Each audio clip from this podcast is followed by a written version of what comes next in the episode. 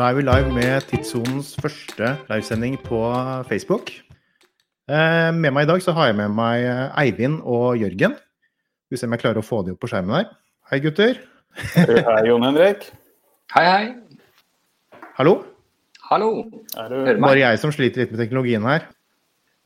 Eh, litt av det som står på programmet i dag, eller vi, vi kommer til å ta det litt sånn løst, men, men vi skal prøve å, å i hvert fall eh, prøve å ha noen temaer. Eh, det er jo veldig nærliggende å prate litt om, eh, om Watches and Wonders, som gikk av stabelen nå, eller gikk av stabelen, det, går jo, det foregår jo fortsatt, men, eh, men eh, premieren for det var i, i går, på lørdag. Også der, preget av en del tekniske problemer. Um, for de av dere som ikke kjenner til Watches and Wonders, så er det den klokkemessen som tidligere var kjent som SIOH, som gikk hvert år i Genéve, vanligvis i januar. Um, de av dere som leser Tidssonen, dere har sikkert fått med dere at det har vært veldig mye frem og tilbake med merker som har eh, trukket seg, eh, mye bransjepolitikk og sånne ting. Og så kom jo korona midt oppi dette her i tillegg. Eh, Så messen den, den eh, var flyttet nå til april, og så ble den avlyst pga. Av koronakrisen. Og litt sånn i siste liten eh, så bestemte merkene seg for å heller kjøre en slags digital utgave. For det er jo klart det er en del av disse merkene her som, som sikkert allerede har startet produksjonen av nyheter, hvor det er viktig det å få ut noen klokker selv om på en måte verden står litt sånn på pause.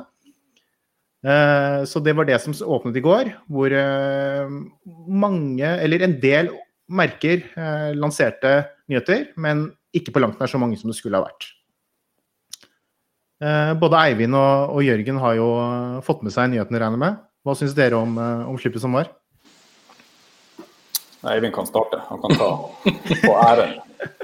Ja, eh, noen store overraskelser, absolutt. eh, som jeg positivt ble eh, jeg begeistret over. Eh, noen store skuffelser, men det hører jo med.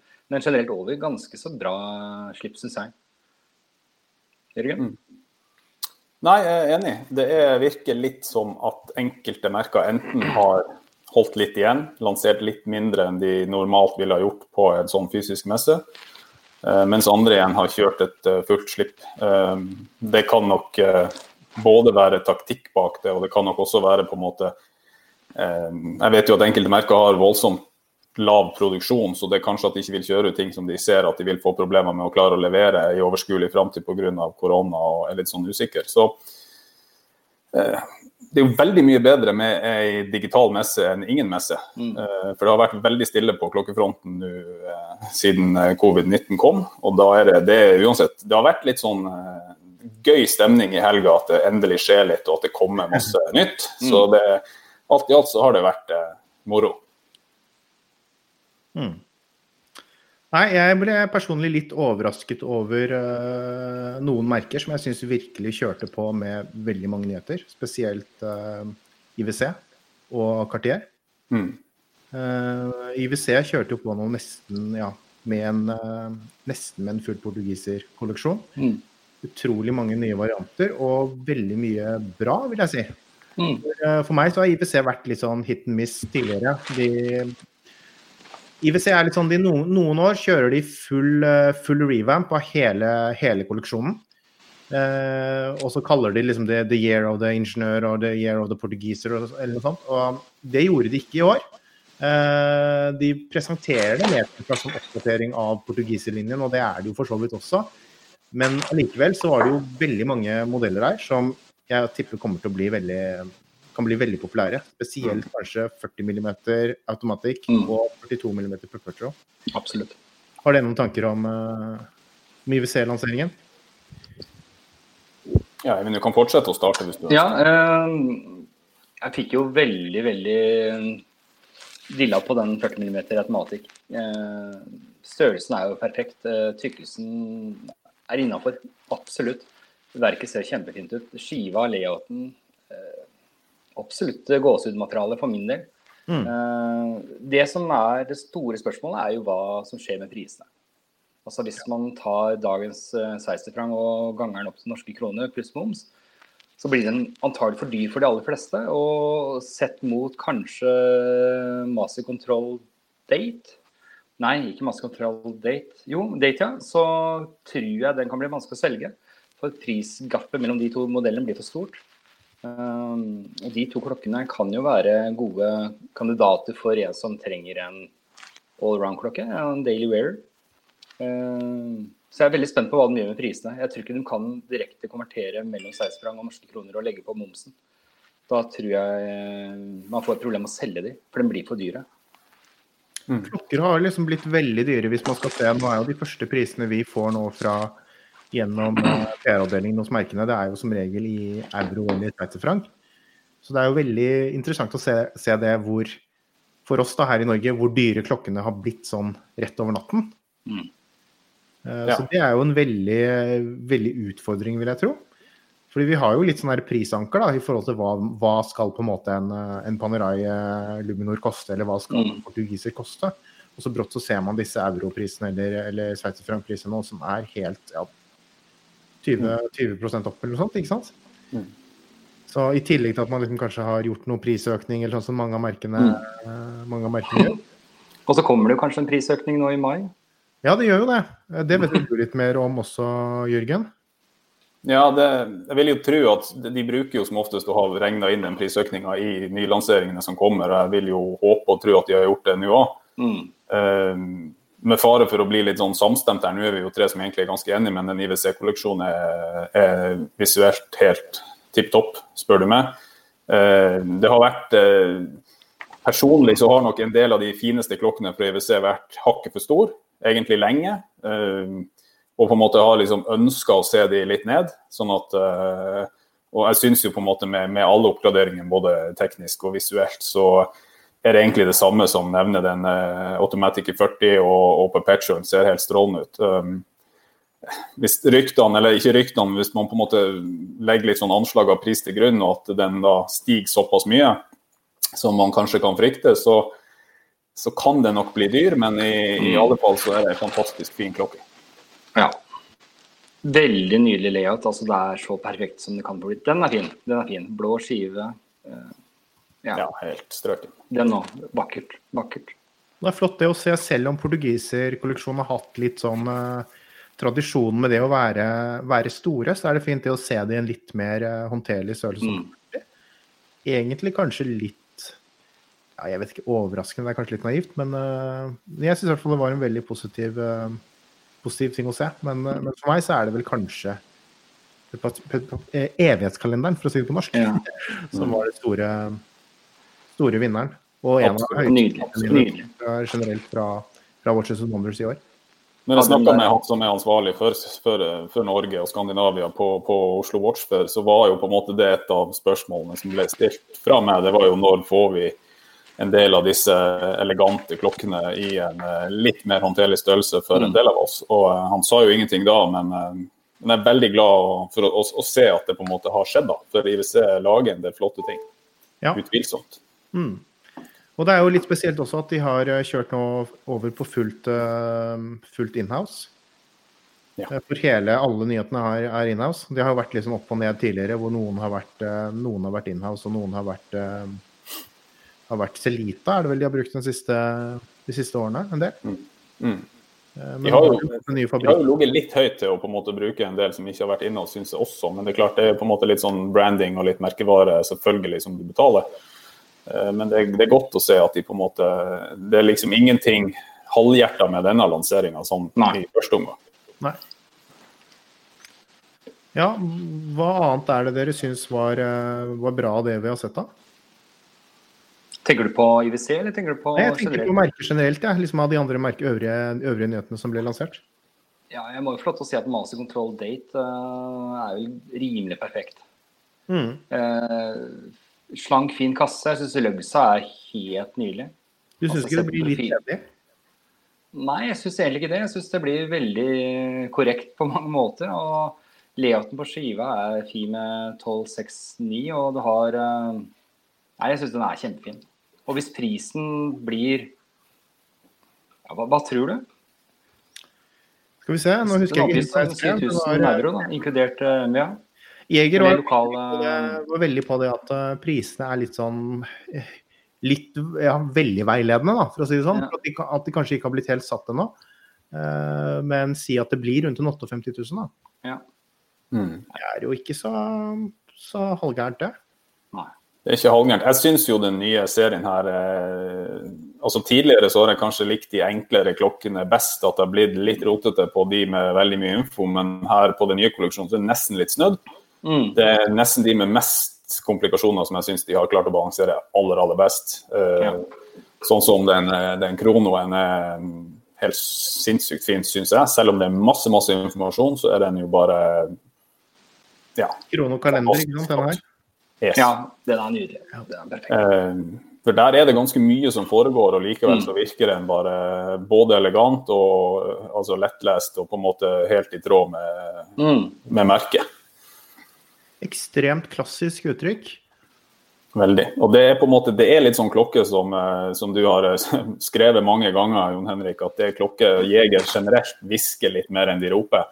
Og sånne klokker har en tendens til å på en måte vokse litt på det når du, når du går med de litt på armen, eller at du på en måte får brukt litt tid sammen med dem.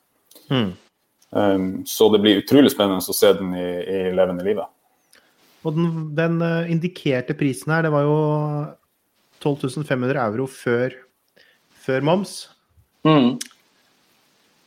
Og, det, og som jeg skrev, jeg tror det var i, i Facebook-gruppen til, um, til Zoom, hvor jeg skrev det at det er jo ikke så mye mer Eller det er jo selvfølgelig det er jo mye penger, men sammenlign f.eks. med en Zenit El Primero 410, da.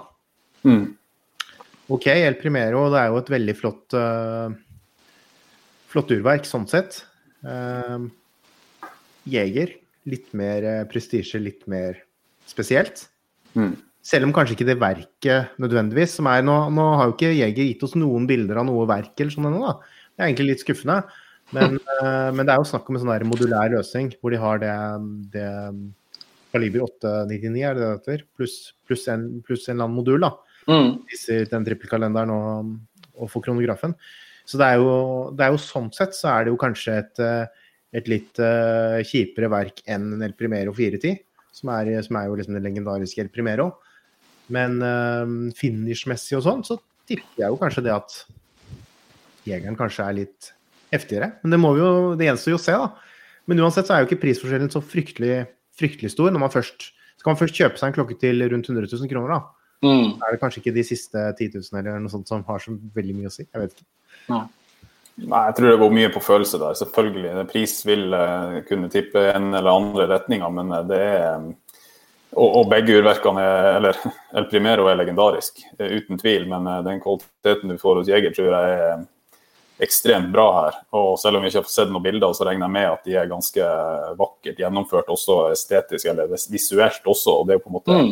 er jo viktig på en sånn klokke, som skal være litt pynta og litt sånn at på en måte det er gjennomført. Ja. Så eh, Og så i tillegg så har jo de nå åtte års eh, garanti. Mm. Og det, Og det så vidt jeg vet, fått litt mer orden på servicetidene Ja. sine også, for det var jo katastrofe. Men det har de vært eh, veldig klar over. mm. Og på en måte, Vi har kjefta på de fra, fra norsk ståsted hver gang vi har prata med, med de representantene, og de har lovt bot og bedring og sagt at det skal være på plass. Og vi, eh, ja. En annen ting jeg bare kom på, sånn litt sånn uh, avsporing her, men eh, apropos Zenit Jeger. Jeg husker uh, PR-manageren for, eh, for uh, Jeger uh, for Norge. Hun, hun spurte meg liksom ja, i Norge, hva tror du du tenker om Jeger, liksom, og hva, hva slags klokker er det man kjøper kanskje hvis man ikke kjøper en, en type en massekontroll eller, eller en Jeger? Og da svarte jeg vel kanskje ja, kanskje en Zenit El Primero, eller altså Zenit eller Girard Perregaud, og så bare så han på meg med det blikket. Zenit? Zenit? Men, ja, ja. De har høye tanker om seg selv, de sveitserne, og, og Jeger, det er jo noe veldig spesielt. Så, Det er det. De har, eh, de har eh, mange hakk i det beltet, holdt jeg på å si, men eh, de er litt dårlige å selge, selge det ut. ja. Eh, De er jo kanskje de, det merket med, med den beste historien og beste, beste Altså fabrikken er jo Det er en sånn komplett manufaktur hvor de gjør alt. Lager skruer og lager skiver og Mm. lager det som er. Kasser og hele, hele sulamitten. Mm. Og så er det kanskje de som er dårligst i forhold til de forutsetningene de har for å lykkes. da. Mm. De som er dårligst på å klare å, og forvandle det til, til et produkt som, som ja, kanskje vi, vi entusiaster har, har, lyst til å kjøpe. Mm. Utvilsomt. De, de er blitt hakket bedre, men de er fortsatt dårlige mm. i klassen på akkurat det. Og det du, du, må ha litt mer. Det gjelder egentlig det, det, er også litt av grunnen til at vi ser litt mindre sånn føss rundt SIHH og Watches and Wonders, for det er jo ikke de mest kommersielle merkene som mm. presenterer her. Det er jo på en måte litt sånne merker for personer som har litt klokkeinteresse, som går, går eh, på en måte at man har, kanskje har, eh, har, kjøpt noen klokker og, og, hatt litt erfaring. Mm. Eh, derfor blir det veldig mye dyrt, og det blir veldig mye avansert, og det blir litt sånn mindre ja, mm. kommersielt. Eh, enn eh, Baselworld var, og en del av de merkene som på en måte har vært der sånn, i hvert fall tradisjonelt. Ja. Det kommer et spørsmål her i, eh, når du er inne på litt det der at det er dyre klokker. En av de litt rimeligere klokkene sånn, fra, fra Washington Wonders, det er jo Montblanc. Mm. Uh, nå er det noen som spør hva syns dere om Montblanc sine 1858? Det er Stig Rune som spør. Uh, Montblanc sine 1858 mm, Geosphere med blå urskive. Mm. Jeg vet ikke om du har sett den, Eivind, men jeg vet i hvert fall at Jørgen har vel sett den, tror jeg. Mm. Vi har diskutert den litt allerede, Jon Henrik. Jeg syns den så uh, veldig, stemmer, veldig bra ut. Det, det, var den som kom ut litt før, uh, før det åpnet. Så ja, det tok opp noen bilder. La ut. Skal vi se om vi får uh, bildet her. Det er veldig veldig vanskelig alltid å basere klokke på et pressebilde. og litt sånn, Men jeg har sett litt sånne livebilder av det nå, og jeg syns den blåfargen ser helt eh, kanon ut. Jeg syns kanskje det ser ut som en av de bedre Geos 4-ene noen gang. Uh, nå er det jo ikke så veldig mange av de, uh, men uh, jeg syns den så utrolig fin ut. Det var mitt førsteinntrykk i alle fall, når jeg så den. Det var den, ikke sant? Mm. Mm. Jeg sitter og ser på den nå og ser at prisen er oppgitt allerede. Gjennom 60.455 kroner. Mm. Men jeg har ikke lest meg opp på den, så jeg skal ikke kommentere for mye foruten det jeg ser av bildene nå. Det, det ser jo delikat ut, og ser man har fått en ganske spenstig, fin eh, ja, en, Ikke sunburst akkurat, men det er ikke langt fra. Altså blå som går over til ganske sort. Mm. Nei, Det er jo en veldig spesiell modell. sånn at Det er jo ikke noe annet som ser ut som den. Den er veldig, veldig særegen. Mm. Så ja. Personlig så er det en sånn klokke som jeg kan like veldig godt sånn i teorien, men skulle jeg liksom stått der selv og skulle dratt kortet, så hadde jeg sannsynligvis ikke gjort det. Men det går jo kanskje litt mer ned til veldig sånn subjektive subjektive oppfatninger da, om hva som kanskje er eh, Hva som er en klokke for for meg. Ja, Den er spesiell. De har gått eh, litt utenfor boksen. Det skrev jeg også den andre artikkelen om eh, den 24-timers eh, envisersklokka som, som kom nå. Mm. Med den 1858-kolleksjonen så mm, tør de å, å, lage noe som på en måte i hvert fall definerer en sånn retning for hva de ønsker å være. Og jeg syns de klarer å skille seg ut. Og, og det er jo egentlig ikke bestandig like lett i, i klokkeverden. Um, og så er det jo på en måte et annet spørsmål om man, om man eh, syns sjøl det er fantastisk, eller at det er det man ville ha brukt de pengene på. Men jeg syns det er kult at de, at de, lager noe som man eh, ganske lett kjenner igjen at dette er, må være Mont Blanc. Ja. Mm. Eh, så eh, ja. Det er tøft liksom med nye, at de har tatt i bruk den gamle logoen og og litt sånn. Men så er det den derre store, store diskusjonen da, med, om i forhold til liksom Minerva, og, som også jo nå er en del av Mambla, om det er noe man skulle spilt litt mer på og gjort det kanskje på en litt annen måte med fått frem Minerva-navnet igjen og sånne ting. Men, eh, men de prøver ja, kanskje å finne det mente jo jeg når jeg skrev om de her nye heritage-modellene, som jeg føler er enda mer linka til på en måte Minerva-historien. Både mm. visuelt og en del modeller også med det tekniske. Eh, mm. At der skulle jeg gjerne ha sett en enda sterkere link til Minerva. Jeg skjønner at utenfor på en måte de eh, skikkelige klokkekretser så er ikke Minerva en merkevare som Mont Blanc. Mont Blanc er en enorm merkevare på luksusprodukter allerede. Men eh, når de kommer med Minerva-urverk og, og, limiterte utgaver som uansett kommer til å bli solgt i 50 eksemplarer eller 100 eksemplarer, mm. eh, så kunne du lett ha hatt Minerva-logoen på skiva for å skille de fra på en måte klokke som koster 300 000 mindre. Ja. Eh, fordi at kjennere ville jo uansett på en måte Eller for å si det på en annen måte, det er veldig få som bruker 400 000 på ei klokke uten å ha peiling overhodet. Mm. Eh, så da tror jeg på en måte, Og de hadde uansett vært stilt ut sammen med Mont Blanc sin kolleksjon, så det på en måte ville jo vært helt tydelig at dette var samme, bare to hakk opp på stigen. Ja. Sånn som det er nå, så blir på en måte det Du må være voldsomt kjenner for å i hvert fall ved første øyekast skjønner hva som er forskjellen på denne klokka til 80 og den til 400. Mm. Eh, Et godt poeng, Jørgen. Jørgen. Det blir, litt, det blir et veldig, spe, veldig stort spenn på, på prisene. Litt sånn som med Seigo, og, hvorfor de også kanskje har gått over til å gjøre nettopp Grand Seigo og gjøre samtidig Mm. Kleber. Så ja, jeg også har jo snakket med Når jeg snakket med Mont Blanc, så har jeg vært veldig sånn her ja, Hvorfor ikke bare Minerva by Mont Blanc, da, eller noe sånt noe, ikke sant? At man skjønner, man, det Mm. står Minerva på skiven, og så står Mm. man da på, gravert inn på bakklokka, og så skjønner man det at det er en del av litt som Grand Seiko, for eksempel. Men eh, ja.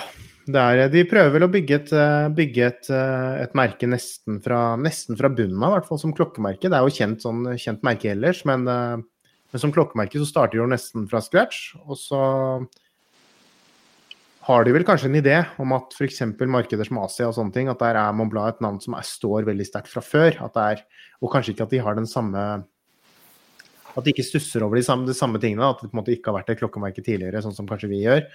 Eh, Og at kanskje det er litt mindre Litt mindre På en måte litt mindre sære og kresne kjøpere. Det er det som er eh, vi, vi, må jo, vi må jo stikke fingeren i jorda og, og innse at uh, det store volumet av salg av luksusprodukter er det jo ikke på en måte de her uh, tre uh, innbarka entusiastene som vi sitter på skjermen nå, som på en måte står for. Det er jo eh, det er mange som kjøper dyre luksusprodukter uten å på en Mm. måte ha satt seg voldsomt inn i alt. De bare på en måte syns den er flott og, og, og har råd til det.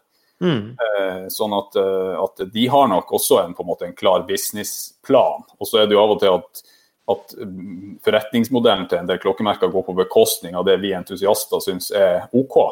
Ja. Men de kan jo dra en voldsomt med, med omsetning på det, og de kan være helt klare på at det er sånn de ønsker å gjøre det. Men ja, det, og det er det jo andre med mye mer kommersie- eller kjente kommersielle merker i Norge òg som får litt kritikk for, ikke sant? for for mye limiterte utgaver eller noe sånt. Men de gjør det jo for at det selger noe voldsomt. mm. Og det skaper blest, og det skaper på en måte merkegjenkjennbarhet, for å si det på den måten. Men uh, ideelt sett så ville jeg sett Minerva-logoen på eh, de beste klokkene som faktisk har Minerva-baserte urverk, eller helt Minerva-urverk på innsida av Mont Blanc. Um, ja. Mm. Før den forsvinner, så vil jeg takke han Aksel for å ha lagt merke til flysamlinga i bakgrunnen. Det må ha litt fly på hylla. Det er gøy. Å ja, se der, ja. ja. Den, den så ikke jeg heller. Så det er kult. Eh, jeg ser det har kommet et annet spørsmål her om uh, Jeger. Eh, Jonas spør Jeger har en litt annen tilnærming til urverk enn f.eks. Rolex med flere deler etc. Hva skiller Jeger mot tilsvarende merker ellers? Noen av dere som har lyst til å ta den? Det er jo et voldsomt langt svar, men det du kan hva skiller, altså Mot tilsvarende merker så er det jo på en måte hva tilsvarer vi med Jeger, men som du var inne på i stad, Jeger gjør jo alt sjøl. Mm. Eh, og, og, de har på en måte den her eh, urmakernes urmaker, fordi at eh, det er, de har jo en historie der de har levert komplette urverk til en del navn som, som i dag har mye større anerkjennelse. og da, Mm. Vacheron og Patek og, og Audemars, altså alle de har jo fått urverket og patenter i, i fleng fra Jeger, mens Jeger sjøl nesten har sittet som en sånn urverksleverandør mer enn en klokkeleverandør, kanskje i en periode. Ja. Um, så Nei, det, det, det, blir Du kan sikkert supplere, Jon Henrik, men på en måte eh, Jeger er jo selvfølgelig altså Finisjering og sånne ting på et jegerurverk er jo på en måte noe helt annet enn på et Rolex-urverk, men de viser det jo gjerne fram også fordi at det skal være noe annet. Mm. Uh, mens Rolex er kanskje blant de aller beste på det de gjør, så er Jeger Mm. uh, fantastisk på det de gjør. Men det, det, er selvfølgelig en del sterke konkurrenter i samme prisleie, men du, du finner ikke mange som gjør like mye sjøl, og som har på en måte like mye kunnskap og kompetanse til å både fikse det og til å, eh, til å på en måte gjøre det i all overskuelig framtid. Mm. Jeg er helt enig med deg. Spesielt det med I hvert fall for oss entusiaster, det som er mest tilgjengelig for oss å se, det er jo finish. Der er det jo en, stort sett en forskjell, en ganske stor forskjell. Hvor Rolex har en veldig mye mer industriell og mye enklere, enklere tilnærming enn det Jeger har. Hvor det er litt mer håndverksorientert, for å kalle det det. Mm. Og kanskje spesielt når man går litt opp i, opp i prisklassen da, for, hos Jeger, så, så, blir det veldig, veldig tydeligere. Men det kan man jo for også kanskje si om Omega, eller i hvert fall tradisjonelt mm. Omega har vært enda mer håndverksorientert enn det kanskje, kanskje Rolex har vært. Mm.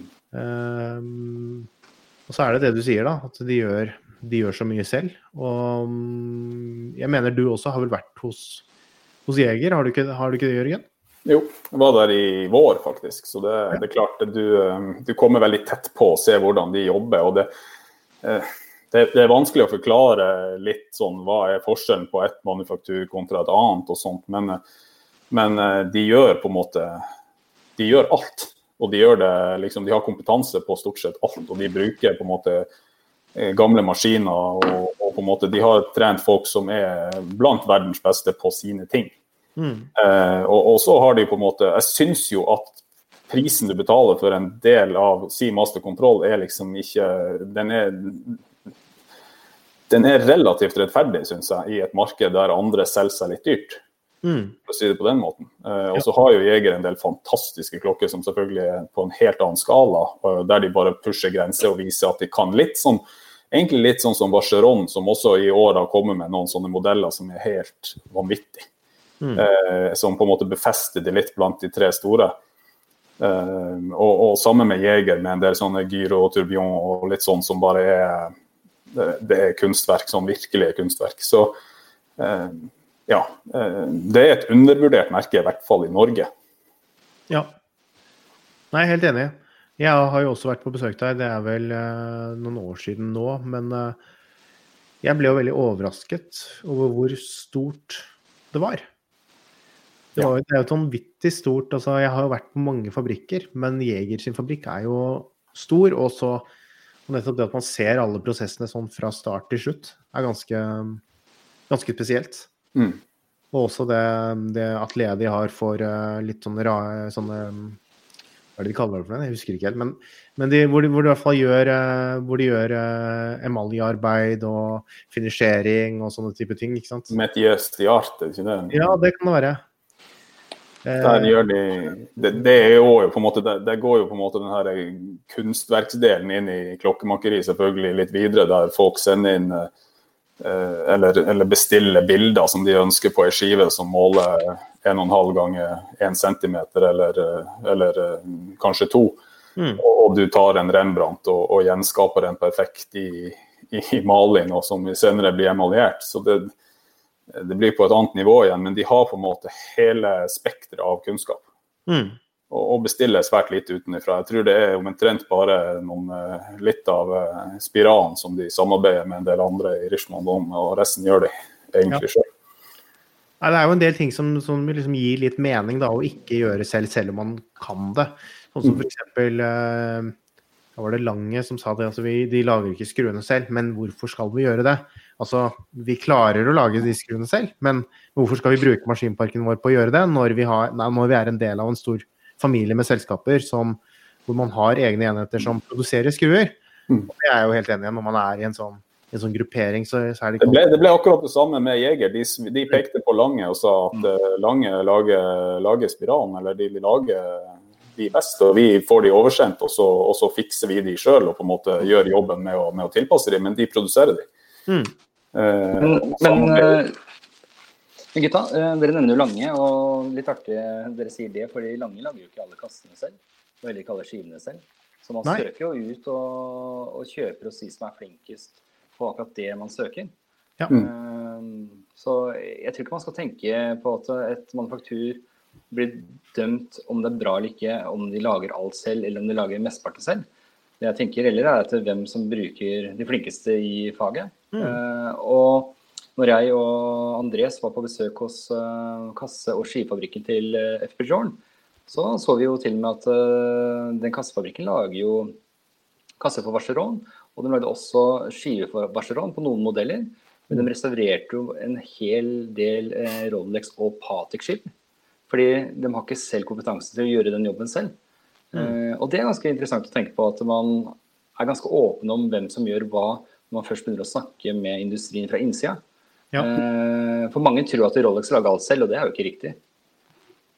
Nei, de gjør, jo, de gjør, jo, ganske mye selv. Jeg er ikke helt sikker på hvor mye egentlig de gjør selv. Men... Ja, det er vel et par deler de ikke lager selv. Ja, det er det, det, er det helt sikkert. Men, eh, mm. men de, eh, Rolex kjøpte jo opp veldig mange selskaper som tidligere ikke var en del av Rolex. Mm, det, er litt sånn, det er jo egentlig litt det vi har sett i hele bransjen. At at man har kjøpt opp underleverandører og så integrert det inn, og så på en måte blir det inhouse, ikke sant. Mm.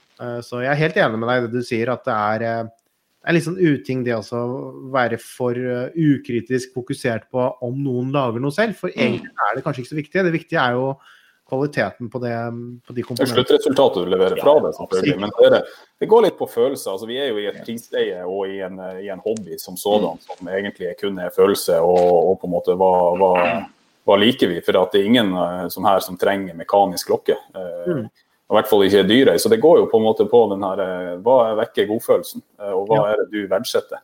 Mm. Og, og, selv hos Jeger, da, som er en, som du sier, det er jo en enorm altså i klokkesammenheng en enorm fabrikk, eh, så, så, er det på en måte ekstremt spesialiserte folk. Det var ei dame ei dame som tok seg av alle spiralene på en måte til balansefjærene til The Grand Complication-klokken deres. Mm det var hun som bøyde til alle for hånd. ikke sant? Så, så vi er på et på en måte ekspertisenivå på en del ting som eh, Det er liksom ikke masseproduksjon eller noe som bare alle kan lære seg. Det var hun som gjorde alle. Ca. halvåret på nye og halvåret på reparasjon av gamle. Mm. Eh, og det kunne ta en dag å, å bøye den til med litt sånn brygge overcoil og, og, på en måte litt sånn eh, ellipseformede og, og, sånt. Det er klart det, eh, det er et fag som er ikke lært over natta. Mm. Har det kommet inn spørsmål her sånn også om uh, hvor mye lager Patek Philippe selv? Er det noen av dere som har vært borti det? De gjør jo Altså, for å um, Jeg har jo ikke sjøl vært hos Patek, så jeg skal være litt forsiktig med å på en måte si for mye. Men, men du kan si at det virker jo litt sånn at det gjelder mange av de her merkene i bransjen, at at uh, etter kvartskrisen så, så, fikk du på en måte en litt ny renessanse, og så kom og så kom Jeg skal ikke, skal ikke, tillegge alt til Lange, men du kan jo si at når Lange lanserte sin datograf i 99, så brukte jo fortsatt Patek og Rolex eh, urverk fra andre. Mm. Det virker som at en del av det som skjedde på tidlig 2000-tall, uh, eh, fikk en del merker til å våkne opp og skjønne at skal vi være, eller beholde den posisjonen vi har, så må vi virkelig da må vi step up the game. Og, for å gjøre det, så skal du produsere mest mulig sjøl og på en måte være mm. selvdreven. Og det tok jo bare ett og to år, så hadde begge de to nevnte egne urverk istedenfor å, for å, å støtte seg på baser som var, eh, som var til andre produsenter fra tidligere, i hvert fall, eller tidligere patenter. Ja. Eh, og så er ikke så er jo ikke et urverk det samme hvis det er finansiert og, og ordna av ett selskap som av et annet, men, men likevel så ble det nok det starta nok rundt da for alvor, og nå så ser jeg for meg at Patek eh, lager det aller, aller meste mm. sjøl. Eh, mm. og så kan det nok for de også være at de støtter seg på en del produsenter. For at veldig mange glemmer hvor utrolig mange firma som, som Kall det støttefirma som finnes i Sveits for klokkeindustrien, da, som er eksperter på f.eks. en skrue ja. eller på, på, små, ørsmå ting, og som leverer til veldig mange, og som er best i, i, eh, i sitt fag. ikke sant? Mm. Jeg, og, jeg og Eivind pratet faktisk litt om det av litt andre årsaker nå mm. tidligere på, i uken. At uh, Patek en av, jeg, jeg, jeg, personlig har jo vært hos Patek, og jeg, jeg tror nok de gjør veldig mye av uh, urverkene selv. Uh, men når det kommer til sånne ting som f.eks. lenker, kasser, mm eller den type ting, så tipper jeg de i hvert fall Men det er jo ikke, sånn at, at, det er jo ikke dermed sagt at de gjør det på alt, men, men, på en del så tipper jeg de bruker en del eh, underleverandører. Og en av de, de, de som jeg vet de bruker, er uh, selskapene i uh, Parmigiani Fleurier-sfæren. Uh, der er det vel skiver og kaster Kaster litt påfyll. Hjemmeservering. Skiver, litt sånne ting.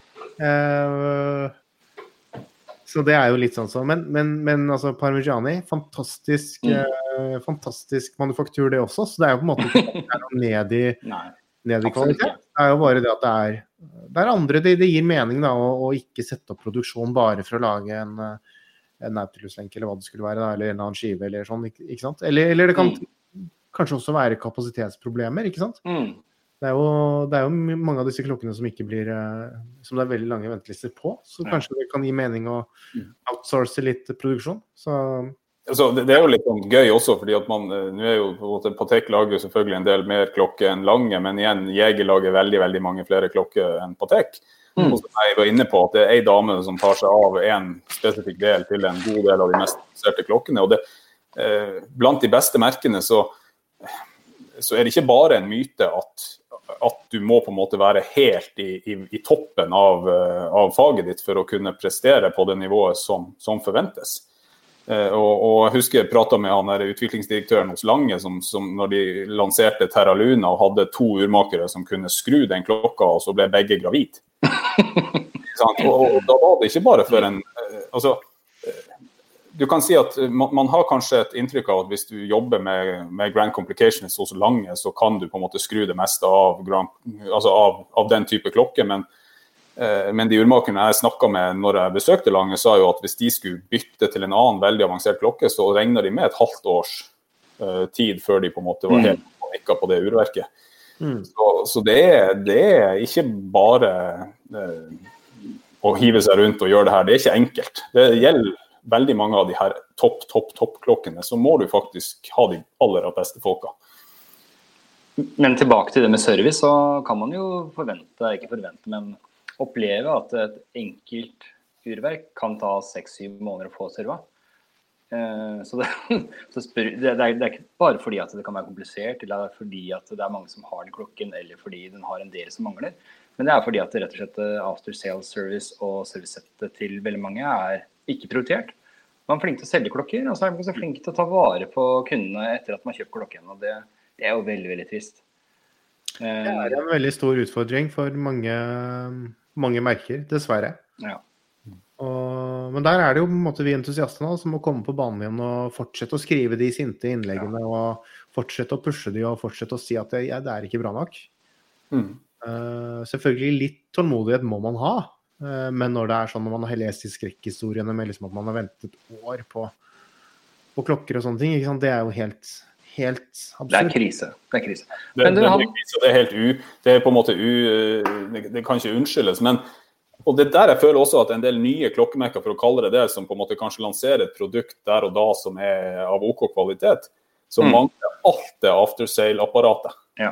Mm. Eh, og, og da, da, bør man egentlig være litt forsiktig med hvor mye penger man legger i et sånt ur, der du på en måte ikke har noe støtte når ting begynner å feile. Mm. Ja. Og Det vil jo også ha enormt å si for en verdi på et ur uh, som, som varer. Hvorfor er på en måte de store merkene holder de verdien sin gjennom 100 år eller, mm. eller, eller, 200 år? Det er jo fordi at på en måte apparatet finnes, og de alltid har vært ja, ja, vare på sine ting. Og det er litt morsomt igjen det du er inne på der, for der, der er jo litt inne på den derre Eller det er en litt sånn annen, annen dimensjon av det med, med fokuset på inhouse. Et nytt, ferskt merke som insisterer på å lage det meste selv, da. Og så forsvinner merket til konk, eller, eller eieren blir alkis, eller et eller annet. da, Et eller annet skjer, ikke sant. Så, så, så da er man ganske i forhold til det å få, få servet, få hvis noe ryker, hvis noe mm Uh, så det er jo litt sånn Ja. Det er ikke bare, det er ikke bare um, sånn uh, fryd og gammen med, med egenproduserte urverk fra veldig små, litt sånn obskure produsenter. Men du, Marius Lien Gundersen, han sier ingen wristshot. Wristcheck? Sorry. Nei, wristshot. Nei, han sier wristshot, men det er sikkert en wristcheck. Hva, er det vi har på Jeg kan ta shot. Ja, I dag skal du, skal du begynne, Eivind? Jeg? Ja, hva er det du har på deg i dag? Nei, for å puste, da.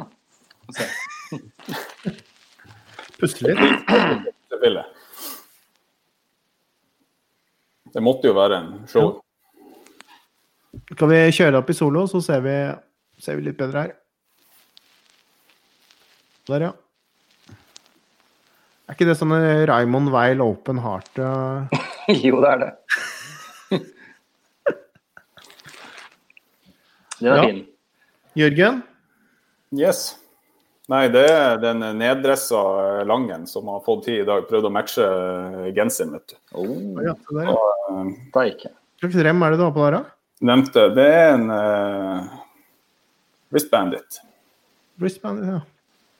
Så det ja, dårlig lys for, eh, for klokkeurverk her, men eh, Det blir ikke sånn helt til store å se det prøv Prøve å gjøre det om til sånn eh, sommer, sommerur. Sports. Sommerklokka. Det er jo en krono, så da Mm. er det ikke bare pynt. Han matcher uh, trøya di, da. Hva sa du? Han matcher trøya. Ja, det, ja, det var Måtte jo prøve å være litt elegant når man skulle på Veldig, veldig bra. Riksnytt TV. Skal vi se. Jeg har jo på meg en klokke i dag, jeg også.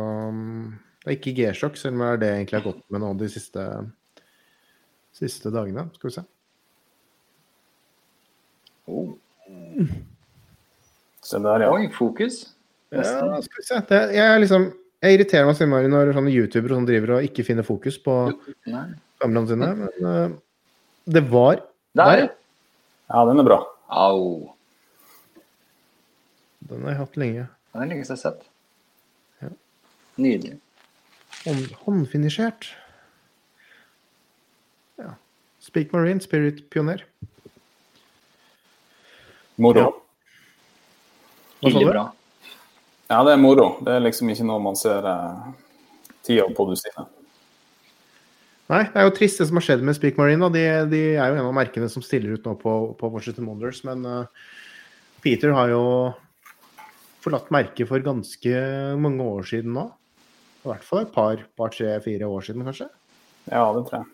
Så, så det som, hva som er igjen, at de, de, er, de er jo et, nettopp et sånn der litt sånn obskurt merke som vi godt kan bruke som eksempel. At de skal lage en eller annen egenprodusert Tubio eller whatever, og så skal man kjøpe det. Og så om ett år nå så er de konk. Og så har man kjøpt en klokke til eh, 1,5, og så skal man ha det servet eller skal ha det sånn. Ok, man får jo gjort det, da. altså hvis man har en, finner en veldig dyktig urmaker som, som virkelig er en urmaker i tradisjonell forstand, som Mm. klarer kanskje å, å maskinere opp deler og, og, og fikse dette her, så skal man alltid klare å gjøre det. Men den prislappen, da, da er kunne man sikkert nesten kjøpt en, en, ny, en ny Submariner eller et eller annet sånt, ikke sant? Mm. Så ja, tror jeg Skal vi se? Det er jo litt flere lanseringer vi burde ha prata litt om. Ikke? Ja. ja, absolutt. Panerai, Panerai, Panerai. Panerai, ja. Der er det Skal vi se. Skal vi begynne med kanskje den med den, Der. den der? Som ingen, ingen Panerai-purister liker. Jeg så kompisen min eh, Min venn eh, Nå husker jeg ikke hva pokker er det han heter for noe på Instagram. Nå fikk jeg helt sånn eh, Helt sånn uh, Jonsson, selvfølgelig. Jonsson, in, Jonsson understrek in a nutshell. Skrev uh, om det minnet mest om Trond, eller om det minnet om, minnet om, um, om Green Lantern. Ja, jeg stemmer. Green Jeg Lantern. Trond, med, med liksom de utvendige utvendige Ja, sånn. lunene. Men jeg må si det, jeg syns det er kult. Jeg syns det er kult. Syns du ikke at de beveger seg langt utenfor DNA-et sitt? da? Jo, men det har de jo gjort nå i en del år. Ja, kan, kan du dra tilbake der de eh, kommer fra? Så er jo spørsmålet, hva, hva Så er det jo én ting, da, sånn er eh, Er det noe butikk i å, å bare produsere det samme eh, år etter år etter år etter år etter år? Jo da. Jeg jeg ser den, jeg forstår kritikken den veien. Men for min del altså, føler jeg at de beveger seg langt utafor hvor jeg er komfortabel med å plassere mine oppsparte feriepenger eller uh, sånn sett. Ja. Uh, altså, du trenger jo ikke lun på en Crown Guard eller på en krone. Nei, eller på remmen, det er en som spør, eh, Ja, spør her. Så der, ja, det er Det er faktisk lum i, eh, Remmene. i Stinga. remmen her. Stinga. Nei, det er ganske spesielt. Det er, det er det, og det er jo selvfølgelig også med, med materialer som, eh, som har blitt en sånn veldig eh, Panerai-greie nå. Ja. Eh, Det at de mestrer en del av disse nye komposittmaterialene og, og nye materialteknologien og sånn. Mm. Eh, jeg var jo på besøk hos Panerai Ja, når var det? Det var kanskje nå en Tiden flyr fort, kanskje en tre år siden. Eh, jeg må innrømme da at Panerai det er jo ikke et sånt merke som, som jeg nødvendigvis er som kjempe, kjempepersonlig fan av selv. Men, uh, og, og, også selvfølgelig kunnskapen har også vært kanskje litt sånn begrenset om, om, uh, om Panerai manufaktura og hva de, hva de, er i stand til å gjøre. Men nettopp dette her med materialteknologi, det er jo noe de virkelig har gått veldig, veldig inn for. Hvor de har leid inn masse PhDs og sånn i mm. og materialteknologi og, og, sånne ting da, for å lage liksom For å virkelig gjøre det til en del av Panerai-identiteten. Det det å bruke veldig høyteknologiske og nye materialer og være liksom en, en pioner på det området. Og jeg skjønner jo for så vidt det, at det er, det er jo litt sånn Det er litt merkelig på sett og vis også, fordi det er jo et merke som som har en uh, historie som, som, dreier seg om helt andre ting. Det militære og mm. robuste og verktøyklokker, for å kalle det mm. Så uh, Nei, det er nok litt sånn, eh, Akkurat de her klokkene her, det er nok litt sånn enten så syns du det er en kul uh, greie, som på en måte morsom greie, en måte å hedre hvordan på en måte det har spilt en rolle i, i merket sitt egentlig sånn designspråk helt fra starten av. Mm. Og så er det selvfølgelig eh, mitt, mitt, største ankepunkt både på, på, disse og på en måte på en del andre eh, modeller, er jo prisen de tar for de her nye materialene. Som, eh, som, er på en måte De er ikke de eneste som, som leker med en del nye legeringer og, og ting, men de er langt framme og de har gjort det veldig bra. men men, eh, men sammenlignet med en stålmodell, så vil du ofte legge på veldig veldig mye for kassen. Mm. Vi er oppe i et par, par hundre tusen kroner her med, ja. hvis vi skal konvertere rett fra euroen. Ja, det er det. det spørsmålet her, Er det flere størrelser? Nei, det er vel i første omgang så er det vel bare 44 mm, er det ikke det, Jørgen? Jo, de her de var vel limiterte, eller ikke 270 per. Mm. Og de var i 44 alle sammen, bare i forskjellige materialer og med litt forskjellige skiver. Ja. Eh, så eh, jeg ser ikke for meg at du får akkurat med, med så mye loom, kanskje med det første på noen annen størrelse. Mm. Bare ta det. Kristian spør om det er mulig å få se hele sendingen senere, og det er det. Det kommer til å ligge ute på Facebook, og så kommer vi også til å legge det ut sannsynligvis på YouTube og, og via, via, nettsidene. Mm. Uh, Panerai, for å fortsette litt med de, det, der er det Skal vi se. Disse her syns jeg var veldig, veldig tøffe. Uh, jeg pratet litt med Nikolai Gill om det òg, og han òg syns dette her var kanskje en av vinnerne fra årets Watches and Wonders. Eh, den DMLS-utgaven i sort. Veldig stelt. Mm. Også her så er det jo litt mer sånn eh, Det føles jo litt mer sånn, i hvert fall den blå, litt mer sporty enn militært. Så jeg vet ikke helt hvordan puristene ser på dette her, men det ligger jo i hvert fall spesifikasjonsmessig kanskje litt nærmere det man, eh, det man tenker på når man, når man tenker på Panerai. med men uh, ja. Jeg er jo ingen på en måte Panerai-purist, så det, det, men, men, jeg syns disse er veldig vellykka. Det er på en måte mm. De er alt som, som Panerai eh, gjør på en kanskje best måte. Det er på en måte ikke noe tvil om at det er en Panerai. Og så kan mm. man på en måte enkelte mene at material eller fargevalg er feil, men, men det, er, det, er, ganske naturlig at de kommer med en del valgmuligheter til, til de som på en måte har begynt å snuse på merket. Det syns jeg. Og eh, jeg syns de, de, visuelt ser bra ut, flere av de. Ja. Nei, jeg er helt enig. Det er um... Men så er det prisen igjen, da. Ja, det er det på en måte. det, som det er over, ja. De er ikke så ille, da, men Eller 15 000 euro. Da er man i hvert fall 150 000 kroner, da.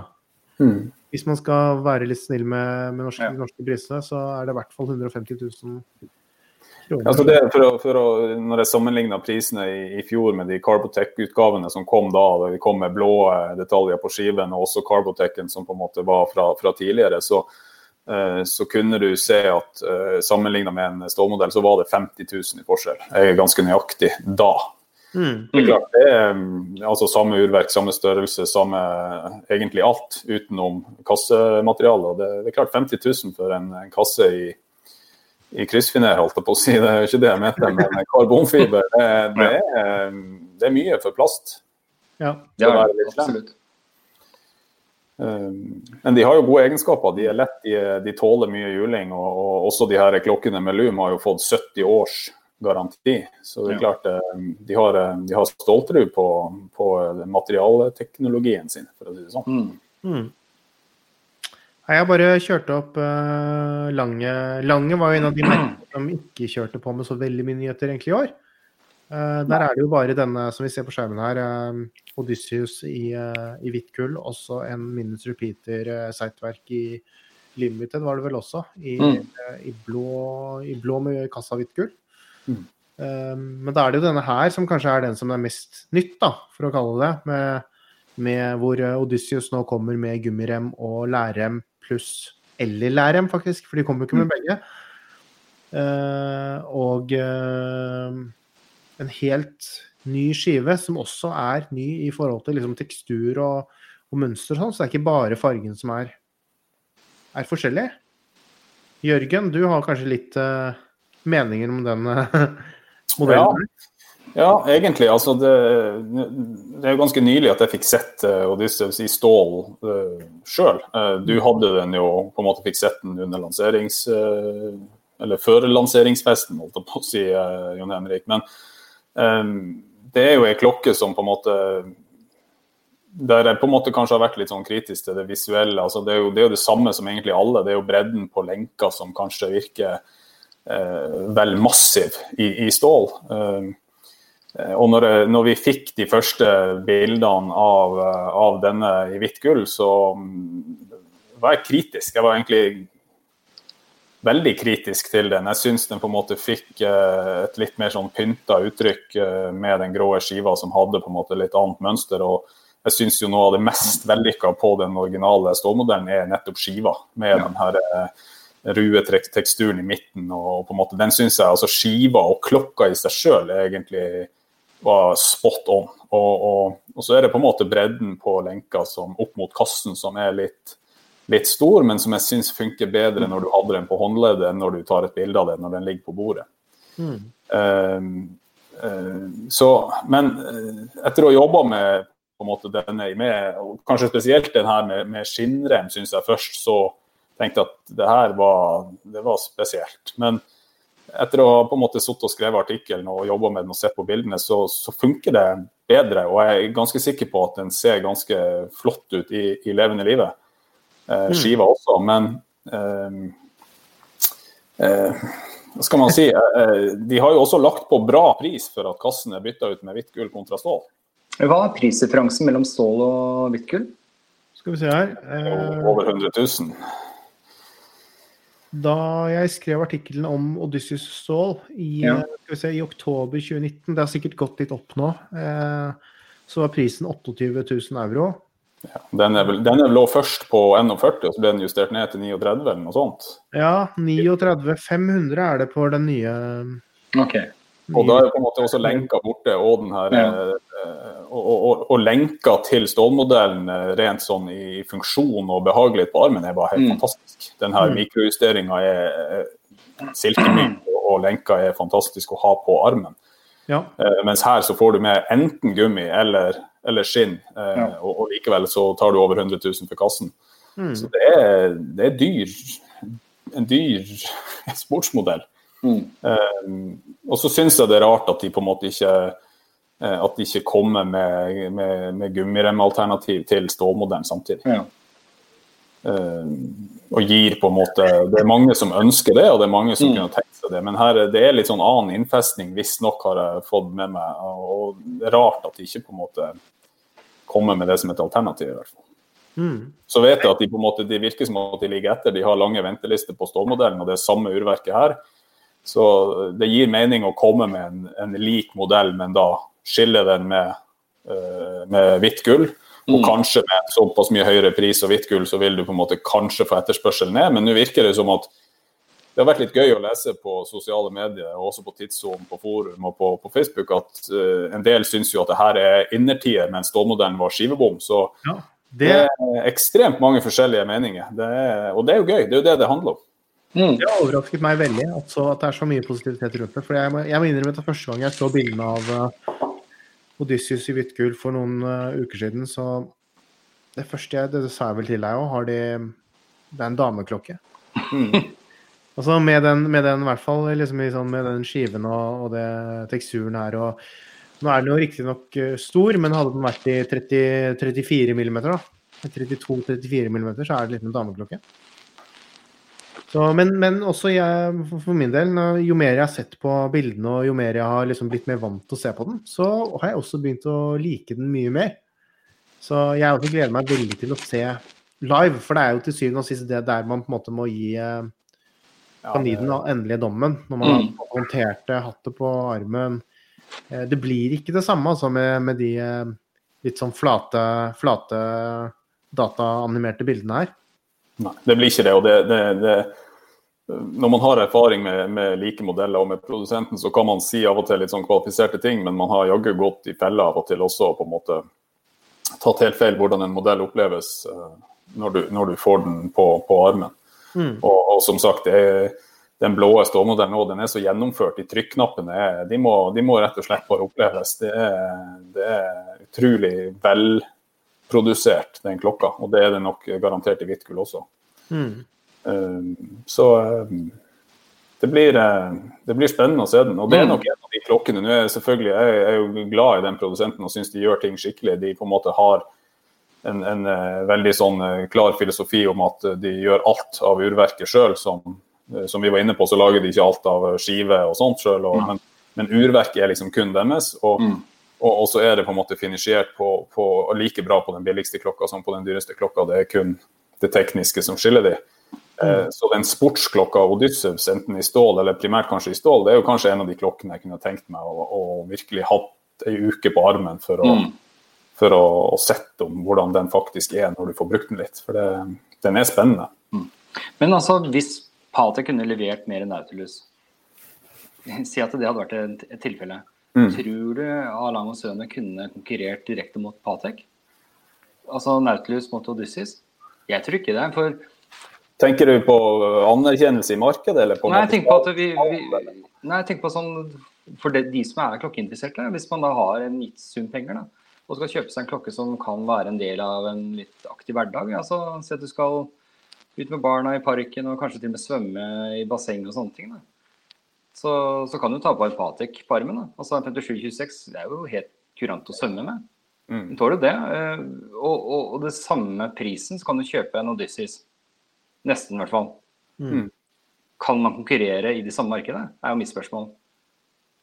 Uh, oh, det, det, er et vanskelig spørsmål, men, men jeg tror jo Odysseus også ble på en måte For, for, for mange så kan du si, for mange så uh, opplever jeg jo at Patek er Eh, der er det kanskje først og fremst blant en del av oss entusiaster, så er det nettopp Nautilus og Aqua mm. er på en måte modellene vi ønsker oss.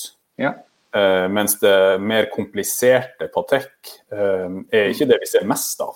Uh, det, det blir selvfølgelig pga. pris, men det, er på en måte det, det mest ettertrakta har på en måte vært sportsmodellene. Mm. Mens hos Lange så virker det som at på en måte de, der er det en del av de kompliserte og penere klokkene som mm. mange ønsker seg, og så er på en måte Odysseus nesten et eh, mer som et, på en måte, her er et alternativ for dere som er veldig veldig glad i merket, og som vil ha en klokke som dere kan svømme. Ja, jeg, jeg, tror jeg er inne på det. Det er en forskjellig tilnærming til markedet. At, at Odysseus er et supplement til de som er glad i merket fra før, mens, mm. Eh, mens Patek har fått en helt annen mm. anerkjent, anerkjennelse, eller Nautilus har fått et litt annet nedslagsfelt. Ja, jeg tror jeg er inne på noe av kjernen. for Jeg snakket jo med en av kanskje Norges største ambassadør for Alang og Søne. Han sa jo på en get together for to-tre år siden at Alain Alang og Sønne kommer aldri til å lage en sportsmodell i stål. Nei. De har jo sagt det sjøl. ja, veit det. Og, og, det er jo det som er så artig. For jeg syns det første som kom ut i stål med blå skive, at den falt mellom rimelig mange stoler. Kanskje lenken var eh, det store ankepunktet. Men når jeg ser den i hvitt gull, og så tar jeg den blå skiven, og så setter jeg på den gummiremmen, så syns jeg den er råfin. Jeg synes den, den tikker av så mange ting på min checklist. Eh, det eneste problemet er jo prisen i gull.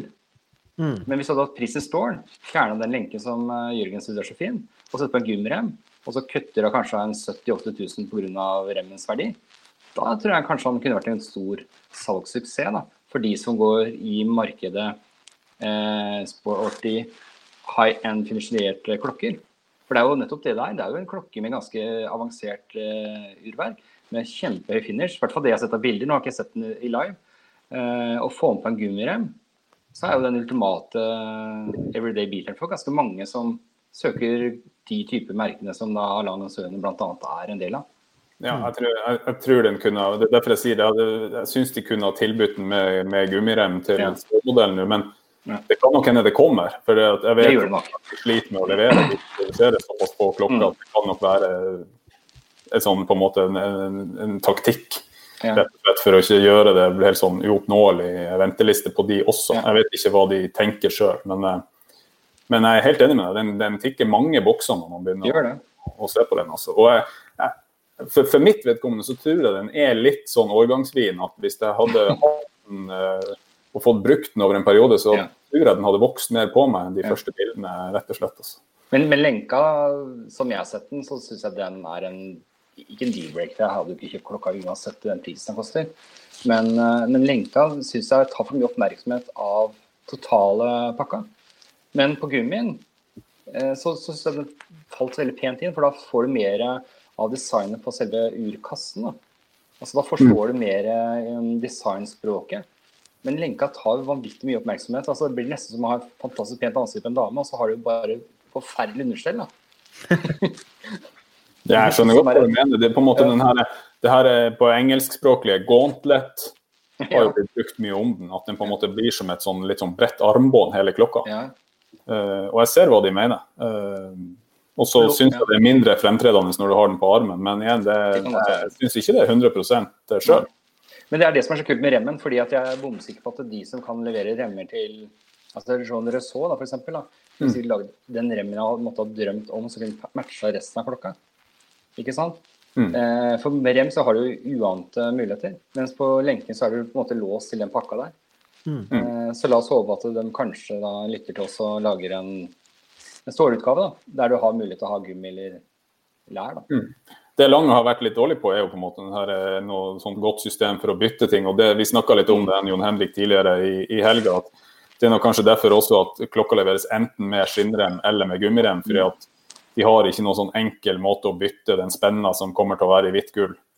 Uh, okay. mellom de to, og, og, en del sånn at de kanskje ikke Det blir liksom ikke en løsning som er sånn tysk finesseløsning på det. Du må fram med en uh, skrutrekker eller et verktøy som på en måte er litt sånn ikke helt i, i tråd, men jeg, jeg, skulle ønske nesten at i hvert fall den Vitkull-utgaven ble levert med begge, begge, deler. Så hadde du på en måte både skinn og, og, og gummi, sånn som Vacheron gjør med Overseas. Men er det ikke en liten quick release eh, på Endlingsen?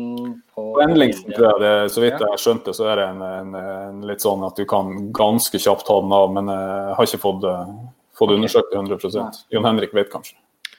Nei, men altså, jeg, jeg, ser jo nå når vi sitter og ser på bildene her skal vi se. Ehm, jeg ser jo nå her, hvis du ser på klokkene her, så er det jo mm. forskjell på endlinken. Hvis du ser her på mm.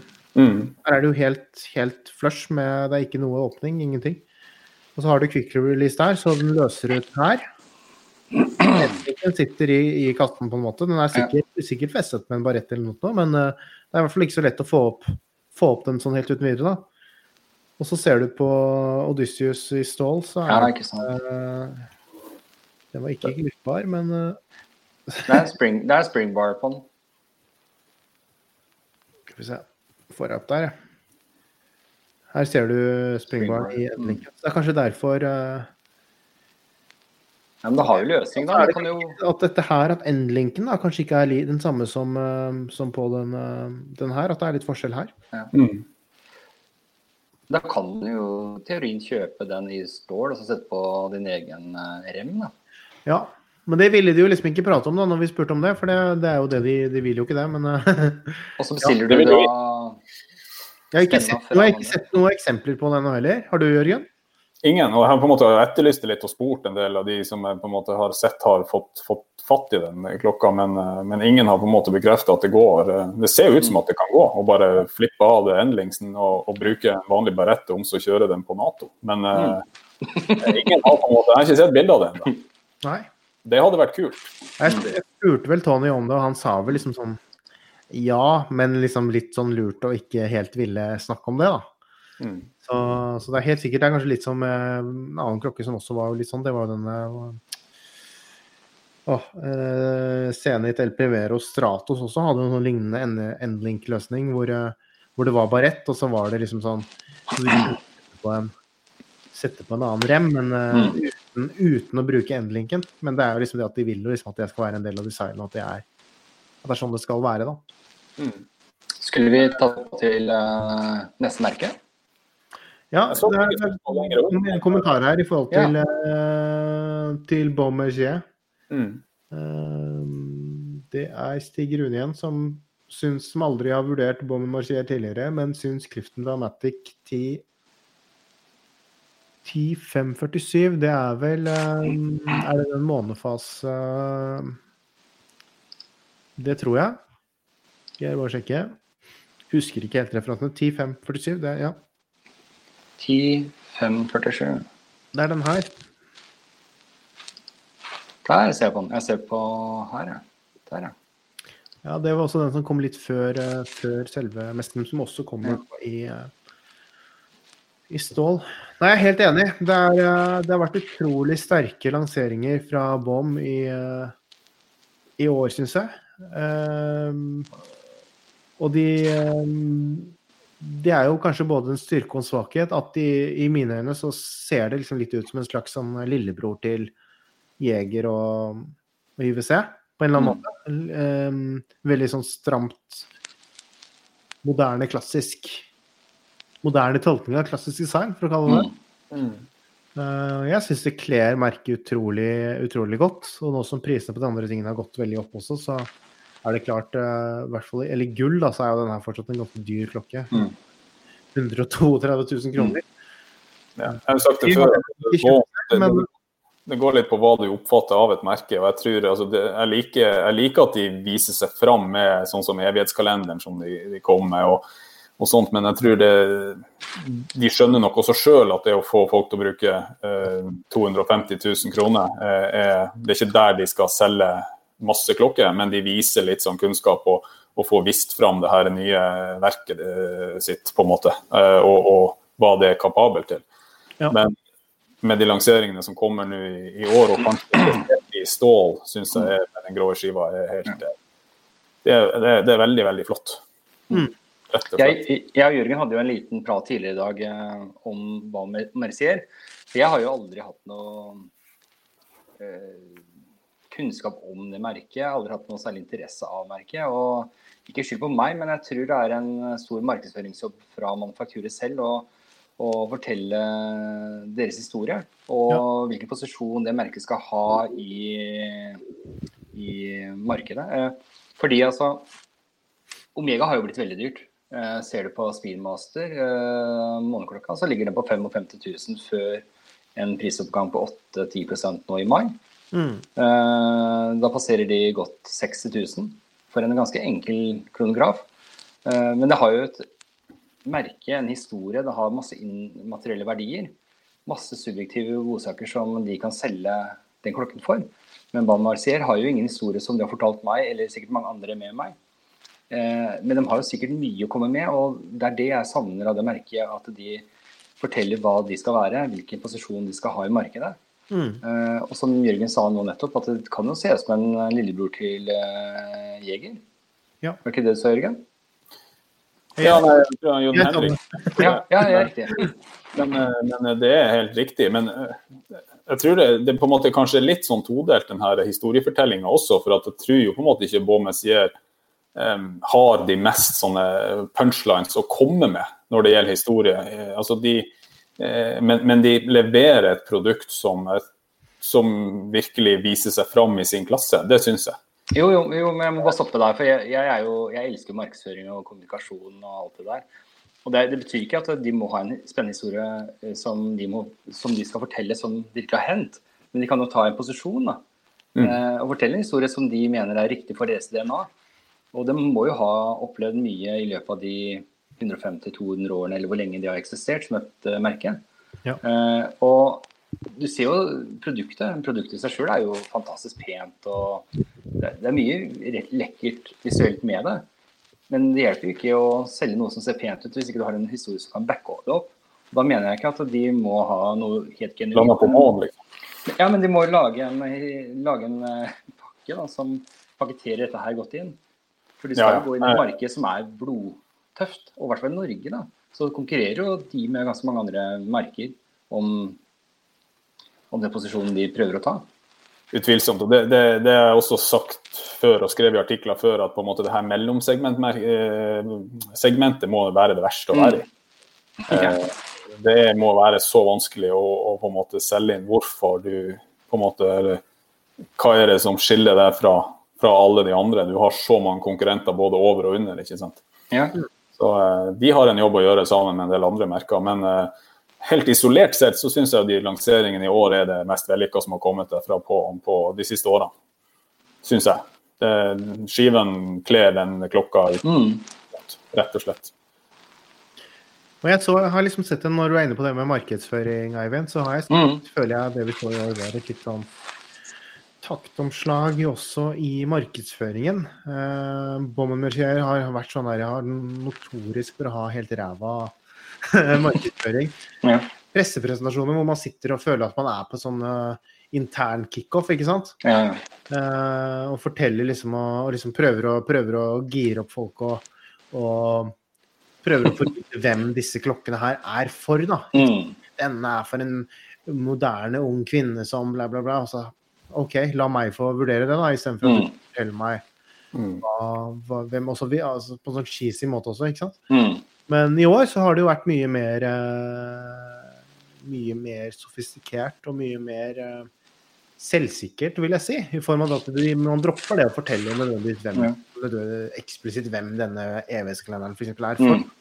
Men uh, heller kommuniserer på en måte hvor de snakker litt, kanskje litt mer om seg selv og hvor de skal. og. Mm. og Det syns jeg er veldig positivt å se. Og jeg syns også kanskje det kommer til uttrykk da i klokken at man ser at det har skjedd noe. Ja. De har fått litt sånn uh, ja, og det startet jo egentlig for, for, et par år siden, kanskje, med, i 2008, med introduksjonen av det Baumatic-verket, som på en måte var det første. Ja. kaller det for inhouse. Nå er det vel laget fortsatt av Valfleuret, som er gruppe, gruppemanufakturet til Richemont. Som også mm. lager ruverk til, eller har i hvert fall gjort det tidligere, til eh, Panerai og IWC og den type ting. De lager fortsatt 56 eh, på Vacheron nå, ikke sant? Det... Ja, ikke sant. Ja. Men til Vacheron, da, som er jo en helt annen prisklasse enn en BOM, så det er jo ikke noe, akkurat noe dritt de lager heller. Så, og det syns jeg er helt um, Jeg syns det er kanskje litt uheldig at de driver og kaller det for innhold og sånn, da. Men, mm. men, men, det er eksklusivt for BOM, og, mm. og det blir laget av et Rishmo-selskap. Og hadde det vært Men det er jo litt som Omega, da, som sier ja, det er Inhouse Omega. Ja, mm. men, okay, men så er det kanskje en fabrikk som er i teknisk sett er i systemet, da, men som ikke nødvendigvis er innenfor det samme bygget som, som mm. Omega, Omega, hvor Omega setter sammen klokkene sine. Men jeg, sy jeg syns jo litt synd på Båmessig også, bare sånn rent for, med tanke på oss som pressefolk, Jan Henrik. for at når, når, de har vært på SIHH, så har de, de, de er jo på en måte i helt laveste segment på SIHH. Mm. Eh, man blir veldig blasert når man går rundt der, og så er det kun sånne Det er jo egentlig de billige merkene på SIO har jo vært eh, Panerai og, og, Jeger og en del av de. Sant? Du har mange andre som ligger over. Du har en del vanvittig dyre og tekniske merker. Ja. Um, sånn at når, du, når, du, kommer fra en presentasjon av klokke i millionklassen, og sånn, så, så, er det vanskelig å det er vanskelig å, å, på en måte imponere oss med mm. klokke som koster 20 000 kroner. Mm. Men når du da får kalibrert skallen litt, så skjønner du at i sin klasse så er det ikke mye som gir deg eh, bedre og egentlig penere klokke eh, enn Baum gjør med, med de mm. lanseringene, etter min mening. Mm. Det som er litt synd, det er jo det at når de lanserte Bomatic-urverket, så var det jo med silisiumspiral og Mm. Hele den biten der. Men mm. uh, der var det jo Det måtte de jo endre. Så nå, nå for, det, for, det, er jo liksom litt i forhold til antibiotiske egenskaper og mindre friksjon og sånne ting, da, som, som det kanskje er en, en teknologisk sett en, en, god eller i hvert fall interessant løsning. Mm. Uh, nå har de gått over til å bruke litt uh, nøyaktig hva det er, det husker jeg ikke. Men uh, en legering da, som har gode, bedre, bedre Antimagnetiske egenskaper? Ja, ikke sant. Mm. Enn en, en tradisjonelle. Og, og, også en sånn en ring rundt verket som skal liksom fungere liksom som en Faraday-bur. Eller Faraday, um, Faradays-bur ja. for, for, å gjøre det bedre mot antimagnetisme. Men grunnen til at de måtte slutte med denne spiralen, som egentlig er ganske oppsiktsvekkende i den flyklassen de opererer i, mm. Det var jo nettopp pga. Rolex Omega Tech, som. Eh, sammen med en, eh, en sveitsisk forskningsinstitusjon har noen patenter da, på den mm. teknologien. Og som mente at Baum og Rishmo nå tok gjorde ting de ikke, ikke egentlig skulle hatt mulighet til å gjøre. Mm. Men kan ikke jeg bare stoppe det litt, fordi Når jeg tenker på det merket her, så skal det konkurrere med Lord Jeans eh, og Tag spesielt. Mm.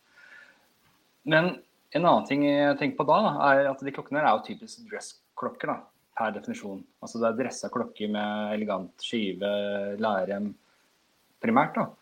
Og da tenker mange at denne klokken her kan jo ikke jeg gå med, for jeg går jo i jeans og T-skjorte hver dag. Mm.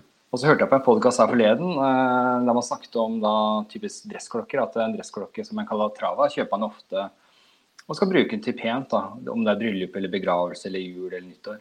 Men jeg mener det er helt gærent å kommunisere sånne ting. Fordi en dressklokke kan jo riktignok brukes til dress, men hverdagene innebærer ofte at man går i pikéskjorte eller vanlig skjorte og vanlige par bukser.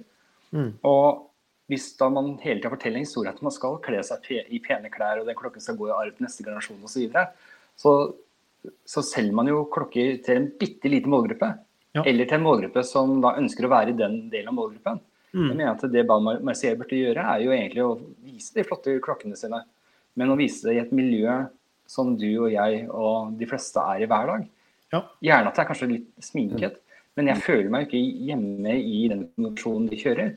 Nei. Og i hvert fall når du snakker med Longines, som har i hvert fall en kjempespennende historie å fortelle. Mm. Og Tag Hoier, som nå snakker til den yngre målgruppe, som gjerne blir rikere og bruker mer penger på, på tilbør. For dette her er jo faktisk det tilbøret vi gutter bruker primært utover å ha på oss kanskje gifteringen som noen har. Mm. Absolutt. Tag har jo noen økonomiske muskler som er vil jeg tro, en god del større enn en mm. Bånd. Men jeg er helt enig med, med konseptet du skisserer, Eivind. Det er liksom, nok litt viktig for de å, å, vise til at det her kan være ganske flotte hverdagsur. Ja. Fordi de, de, tåler den utfordringa. Selv om det ikke er noen dykkerklokke, så tåler den å være med på hver dag.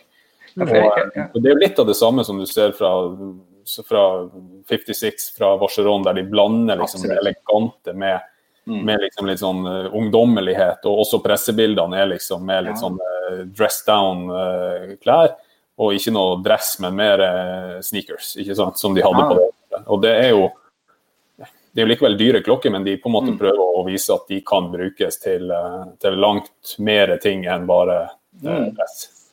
Ja, for jeg føler jo at sånn som Baum da, er at de glemmer hvem de kommuniserer med. Altså En som har penger til å kjøpe en Calatrava eller til en Vacheron, ville jo ikke kjøpt en uh, Baum.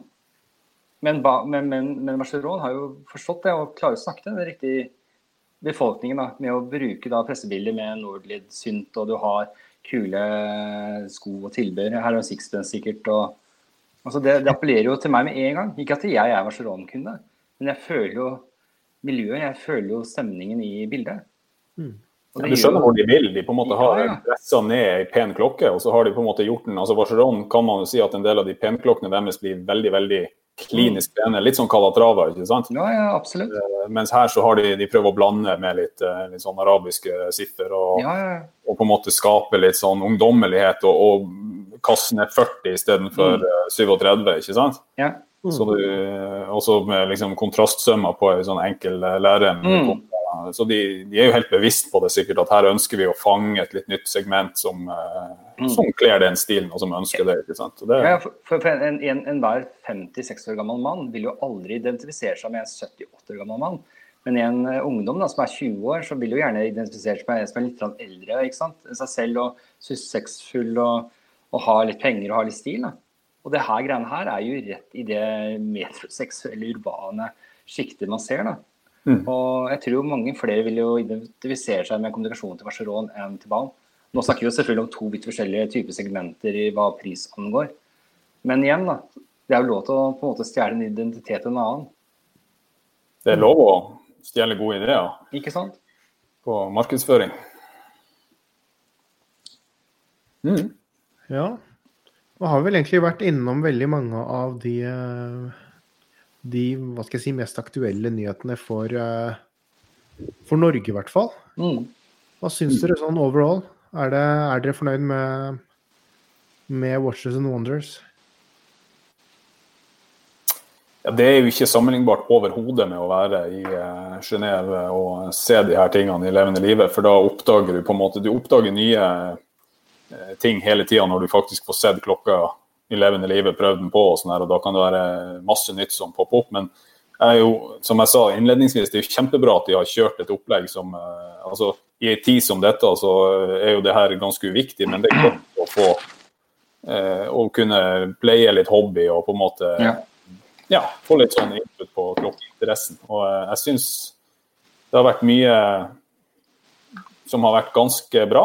Eh, mm. Vi har prata litt lite om Cartier, kanskje, som har, har, ja, jeg på Cartier nå. har hatt en stor lansering, egentlig. Ja. En veldig fin lansering, syns jeg absolutt. Jeg vet han Eivind har litt sånn eh, har flere modeller der som han syns var ok, eller som traff eh, bra. Kan du ikke få opp noe på skjermen, Jon Henrik? Var det, hvilken var det dere tenkte på fra Cartier? Ikke Pasha, men Santos og den, hva heter den, skeivjene. Santos. Og den skjeve har ikke vi skrevet om ennå. Men... Nei, den syns jeg så veldig lekker ut en tankeasymmetrikk. Ja, stemmer. Eh, den var veldig limitert, så vidt jeg husker, alle utgavene. Det var sånn 100 eller noe sånt, hvis jeg ikke tar feil. Så... Mm. Det her er jo flott. Det her treffer mange, tror jeg. Det eneste ikke som er flott her, er vel de imiterte skruene på remmen. Jeg tror det er ekte skruer, men jeg vet ikke, de har jo ikke noen stor sånn funksjon. Men de, de sender jo selvfølgelig Hele remmet er jo laga rundt lenka. Mm. Så eh, jeg syns egentlig det er litt kult, men, eh, men, eh, jeg skjønner jo at noen har en sånn, liksom, kritisk røst til det. Men det skal jo i hvert fall være ekte skruer i remma. Okay. Ja. Ikke bare påmalt. Form før funksjon. det ser kult ut. Det eneste er jeg har litt sånn eh, allergi mot de uh, mørke klokkene. fordi det er jo det der når man får en ripe, da, så blir det Selv om de nå lover gull og grønne skoger om at det er veldig sterkt og sånn, så hvis man får en, en, bulk, da, for å kalle det det, så på materialet under, så vil, jo, vil jo finishen gå, gå, av uansett. Ja, absolutt. Ja. Og det er liksom det der med slitasje på sånne sorte klokker, det er noe jeg ikke klarer um, klarer å bli helt komfortabel med. Da, for det er jo på en måte uunngåelig når man, hvis man bruker en klokke aktivt. Mm. Ja, så på Leica-kamera så er jo det kult, men ikke på en klokke, tenker jeg. Ikke på en klokke som liksom skal være en sånn, en sånn type klokke, da, som skal være veldig en sånn, et slags, nesten, nesten en slags Jeg liker egentlig ikke å kalle klokker en smykke, men, men, det er jo nesten det det blir. At det blir mm. noe, altså en gjenstand som skal være vakker. da. Mm. Uh, og Der er det jo litt forskjell kanskje på en Leica-kamera og en, og en Cartier. at det er en en, eh, et Leica-kamera kan godt ha litt sjarm og sånn ved, ved, at du har litt tydelig, tydelig bruk. Mens ja. uh, en sånn klokke som dette her er Ja, nei, jeg vet ikke. Jeg er litt sånn usikker på hvor, uh, hvor stort markedet for Cartier er i Norge. Og det er litt morsomt, fordi det er, det er jo på verdensbasis et veldig stort merke. Og det merket i Richemont som har mest omsetning, mm som jo er liksom den som, det merket som redder alle disse andre, andre merkene når, når salget, salget, svikter. Så, men i Norge så er jo ikke Cartier så veldig, veldig stort. Det er vel bare Er det bare Urmark Bjerke som har Nå er det det, ja. Har Cartier, tror jeg. Ja. Jeg lurer på det. Det mener jeg ganske bestemt. Mm. De har hatt litt sånn dårlig markedsposisjon. De er jo veldig veldig, veldig store på smykker og, og uh, andre ting enn klokke. Ja. Uh, og kanskje Spesielt i, og der også i det asiatiske markedet. der de er men, men de har jo en enorm eh, posisjon, som du sier, i, i, eh, Richmond. og eh, du ser bare plassen de opptar normalt på, på SIH-messe. De hadde jo fått plass til nesten alle andre klokkemerker inne i, i sin eh, stand. vet du. Mm. Så, eh, og, og, de har jo en seriøs historie og kunnskap om klokke å fortelle. Mm. Eh, men vi får se. Det virker jo som at det er litt mer interesse rundt dem, men de har en litt lavere markedsposisjon enn man kanskje kunne forvente. Kanskje. Mm. Men de selger jo mye parfyme, mye læregoods og accessories. Da. Så Cartier er jo et stort merke sånn volummessig. Ja, men, eh, men eh, tenk på her hjemme så er det ikke ofte du ser en Cartier i det frie. Nei. Det er eh, svært sjelden, selv om jeg syns de har mange flotte modeller både for herrer og for, for kvinner. Spesielt kvinner syns de har mye bra. Og jeg husker tanta mi tilbake på slutten av 80-tallet hadde jo en kvarter som jeg var veldig fascinert av. For jeg syns jo designet og altså spesielt uh, linjetrekkene deres er veldig kule. da. Men det mm. passer jo ikke for alle. Men hvis du har uh, et håndledd som, uh, som kler litt flate klokker, så har jo det mye fint. Mm. Kan jo være, kanskje være litt med dette med romertallene også, som jo mm. I hvert fall ja, i Norge og også en del i Nord-Europa er veldig Kanskje litt sånn Ja, eller kanskje ikke Nord-Europa, men kanskje i Skandinavia. Ikke så veldig populært, jeg vet ikke. Det er i hvert fall det jeg hører fra alle, alle klokke, klokkeselgere i Norge. Mm. Når de ser en ny, ny eh, modell fra Sveits som kommer med romertall, så er det liksom bare Nei, det funker ikke. sånn, sånn, så tidligere så var det jo også rem.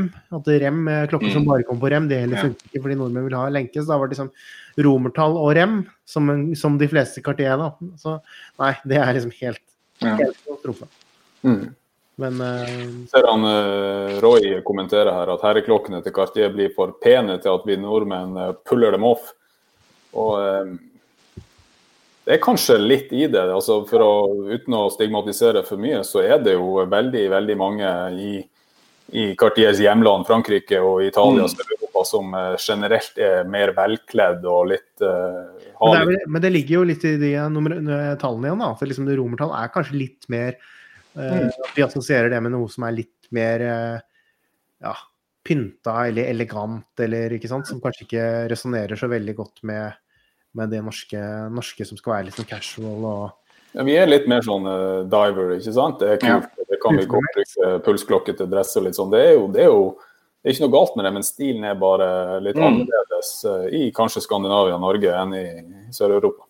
Mm. Men tror du ikke dette her er på vei til å mykes opp litt nå? At folk tør å gå med som vi snakket med dressklokker i stad, altså dressklokker til jeans. Jo, det, det er mulig, det. Tror du det? Jeg har jo gjort mitt forsøk med datagraf med egentlig en klokke, men det er jo, ja, ja. jo vel så kult til piké og, og, shorts. Absolutt. Syns jeg, da. Uh. Så uh, ja.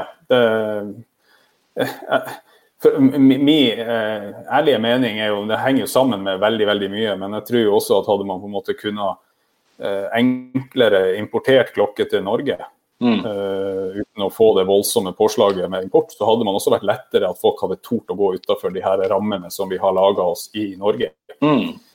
Uh, Nå er det dyrt å ta inn en, en litt sånn gammel, uh, brukt Cartier du finner. Ja. Kanskje du får et voldsomt påslag, du vil tape penger hvis du, mm. hvis du skal selge osv. Så, videre. så det hadde vært gøy med litt lettere fri flyt, men det er klart det påvirker masse masse andre ting. som er, ja, ja, er ikke økonom, så jeg skal ikke gi meg inn på den diskusjonen. Men, men, det hadde vært gøy å se det et mer mangfold, og jeg mm. håper det kommer.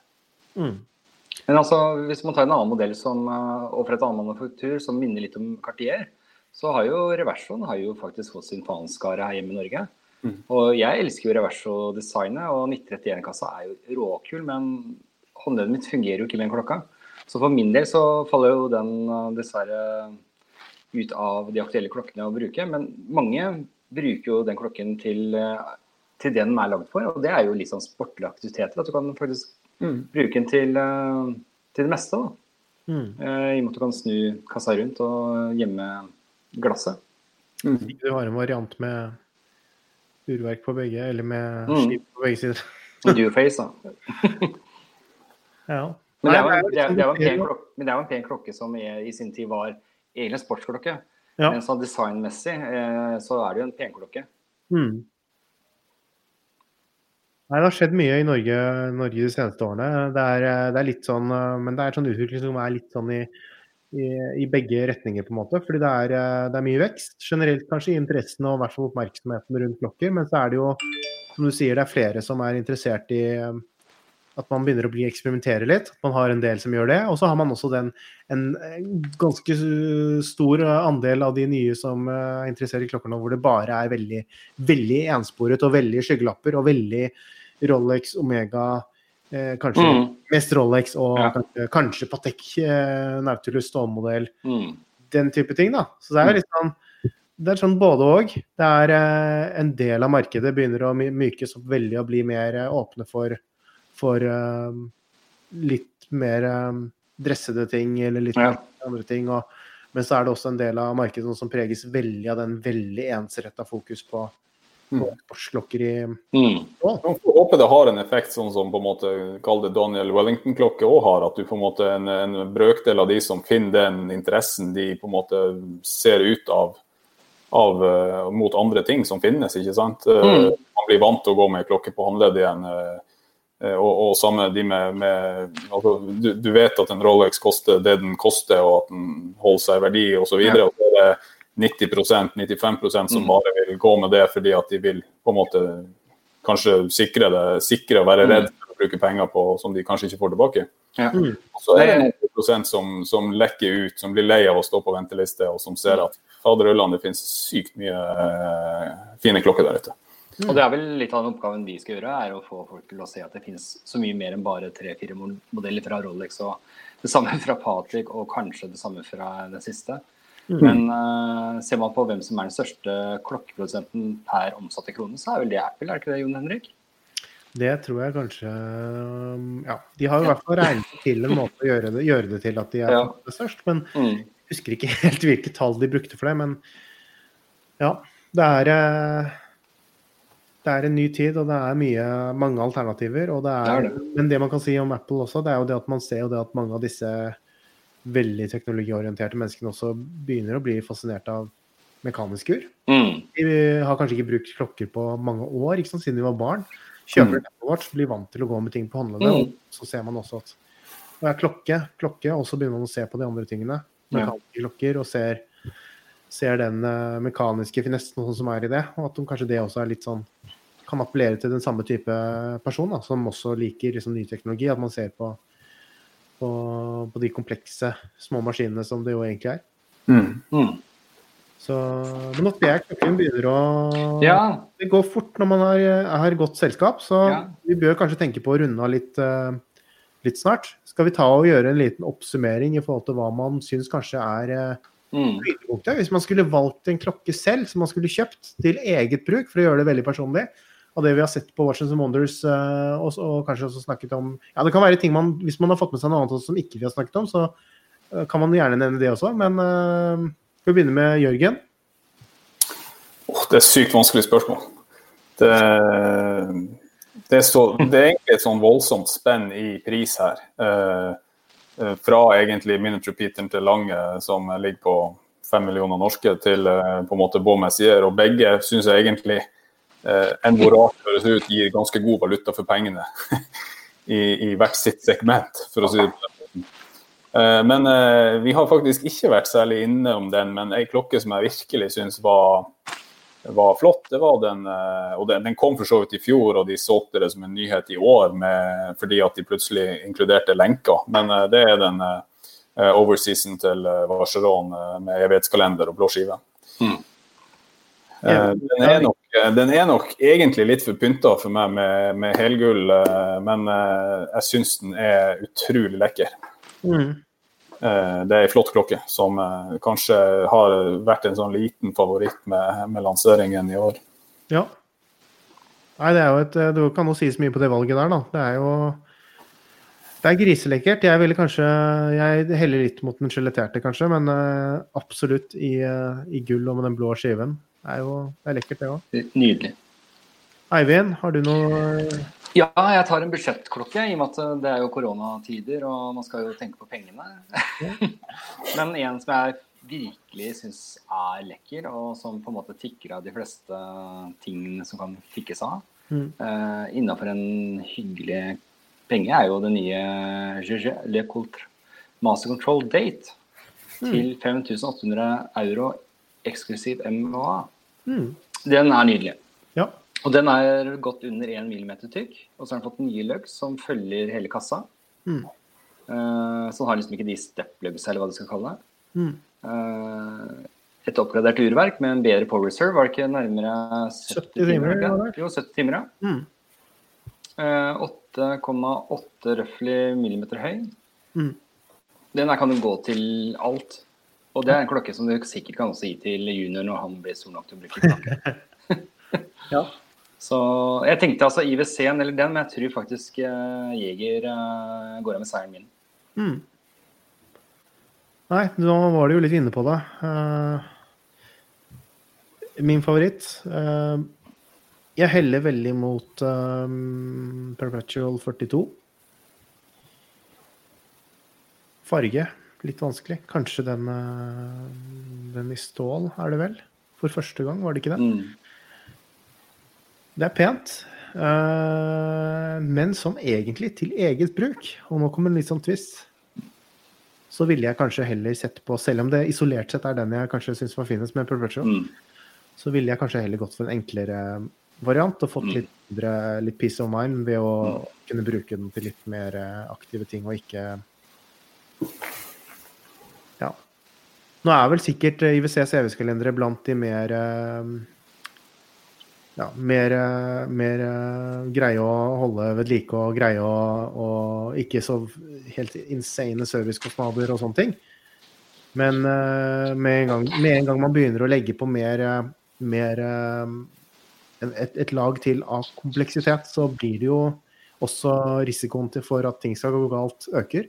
Mm. Og kanskje det at eh, Og så er det jo litt mer sånn kanskje personlig det at, eh, at jeg har en sånn helning mot eh, enklere klokker, treehands, kanskje Jeg har vel tidligere sagt det også til dere, at en klokke med, med GMT er vel det som kanskje er mitt sånn helt det ideelle, da. Mm. For da har jeg på en måte en veldig sånn funksjonell tilnærming til det. At det er akkurat det jeg føler jeg trenger og bruker, og ikke noe overflødig. Ja. I forhold til hvor jeg skulle puttet pengene mine selv, så ville det kanskje vært eh, denne i, eh, med hvit skive her. Selv om også de andre, andre variantene her eh, er fine. Så hvit skive med blå, blå detaljer. Mm. Vil jeg egentlig si når man oppsummerer den, når man tenker litt tilbake hva vi har gått gjennom nå i videoen, så det har vært det ganske det mye bra Det er veldig bra. Som er lansert. Selv om mange merker holdt igjen eh, og lansert mindre enn de ville ha gjort, så er det lansert mye bra. Mm. Eh, Det blir utrolig artig å se disse live. Ja. Eh, Så det håper jeg jo vi får til eh, tidligere enn senere, for å si det sånn. Men du er nødt til å se klok men, men man er nødt til å se klokkene med egne øyne og føle på dem og ta dem på armen og ta dem ut av butikken og få dem i ordentlig dagslys. Og, og kanskje til og med hatt en, eh, en uke på armen. Da. Jeg tenker at mange klokker er jo ikke testet ordentlig før den har vært brukt en, eh, i løpet av en ukes tid eh, som en del av hverdagen.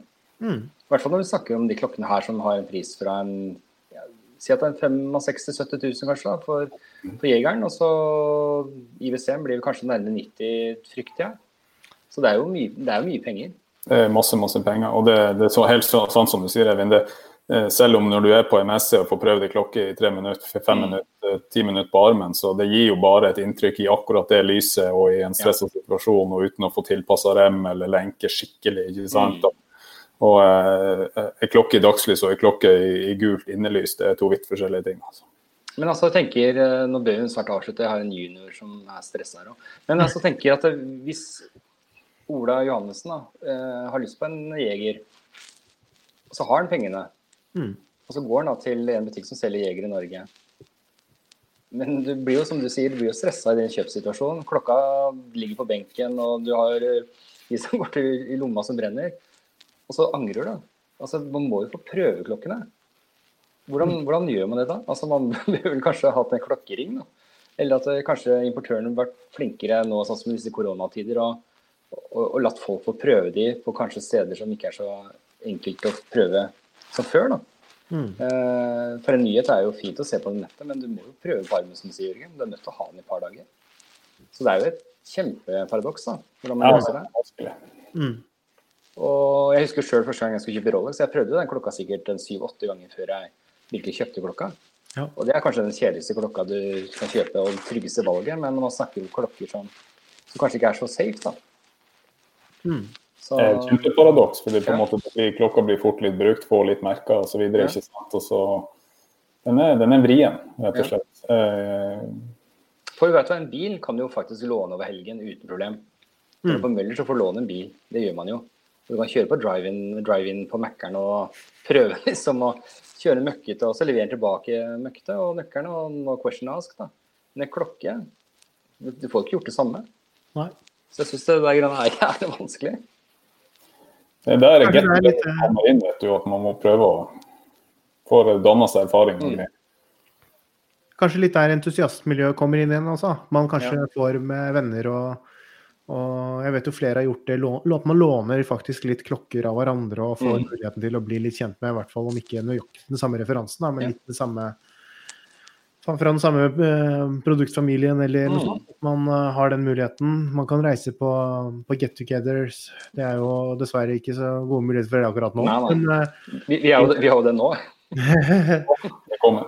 så det, som det er veldig mye lettere å danse et inntrykk av en klokke når du har prøvd noe som er ganske likt fra samme produsent, samme størrelse, samme lugs, og den bærer akkurat likt, så kan du på en måte Da kan du i hvert fall ta et kvalifisert gjetning på hvordan en annen skivefarge vil, Mm. vil være. Ja. Og tilbake til en klokke som jeg liker, er jo Reverso. Min gode venn eh, André han er jo Reverso-ambassadør så det holder. Og så sier jeg til André den klokken er så fin på deg. Men på meg så funker den jo ikke. Og så jeg tilbake til Panerai, som jeg elsker sånn designmessig, og historien til Panerai er kjempespennende. Men eh, på Morten sitter den kjempebra, men på meg så er den helt for håpløs og gnager på knoken og alt er galt. Og det er jo det jeg på en måte savner litt med det sosiale miljøet man har i klokke, klokkeverdenen. Disse get-togetherene. Man kan jo nettopp prøve klokker og kanskje prøve klokken et par timer, eller at man låner den klokken med hjem over helga. Og så får man gjort et ordentlig inntrykk av den modellen. Mm. Eh, så vi- vi får håpe at ting løser seg fremover. Det er der du kommer inn òg, vet du, som community manager eh, når eh, denne situasjonen er over. Vet Ja, ja. Og sende den klokka rundt bordet. ja, ja. Det er veldig synd nå, da, fordi vi har jo hatt veldig mye mm, prat om spennende initiativer og ting vi skulle egentlig prøve å få til i år. Så Mm. det er trist at det har blitt som det har blitt, men vi får bare håpe det. Og, men for oss er det jo Vi har, har muligheten til å sitte her, og Mm. utrolig, utrolig gøy. Håper dere som har sett på, syns det har vært en, en hyggelig, et hyggelig eh, innslag sånn i en litt uh, redusert uh, hverdag. Um, ja. Mm. Det har vært moro. Håper at det er blitt satt pris på. Så uh, prøver vi noe lignende igjen hvis det er på en måte interesse for det. Mm. kommer vi til å legge ut videoene som jeg nevnte tidligere også. Vi kommer til å legge ut uh, videoene litt rundt omkring og på, på nettsiden og forumet og, og sånne ting. Uh, vi kommer også til å gjøre uh, lyd, lydsporet om til uh, podkast. så da er det vel egentlig bare å si eh, takk for oss for denne gangen her. sånn. Så ses vi forhåpentligvis snart igjen. Takk for mm. Takk for oss. Snakkes! Ha det bra. Ha det.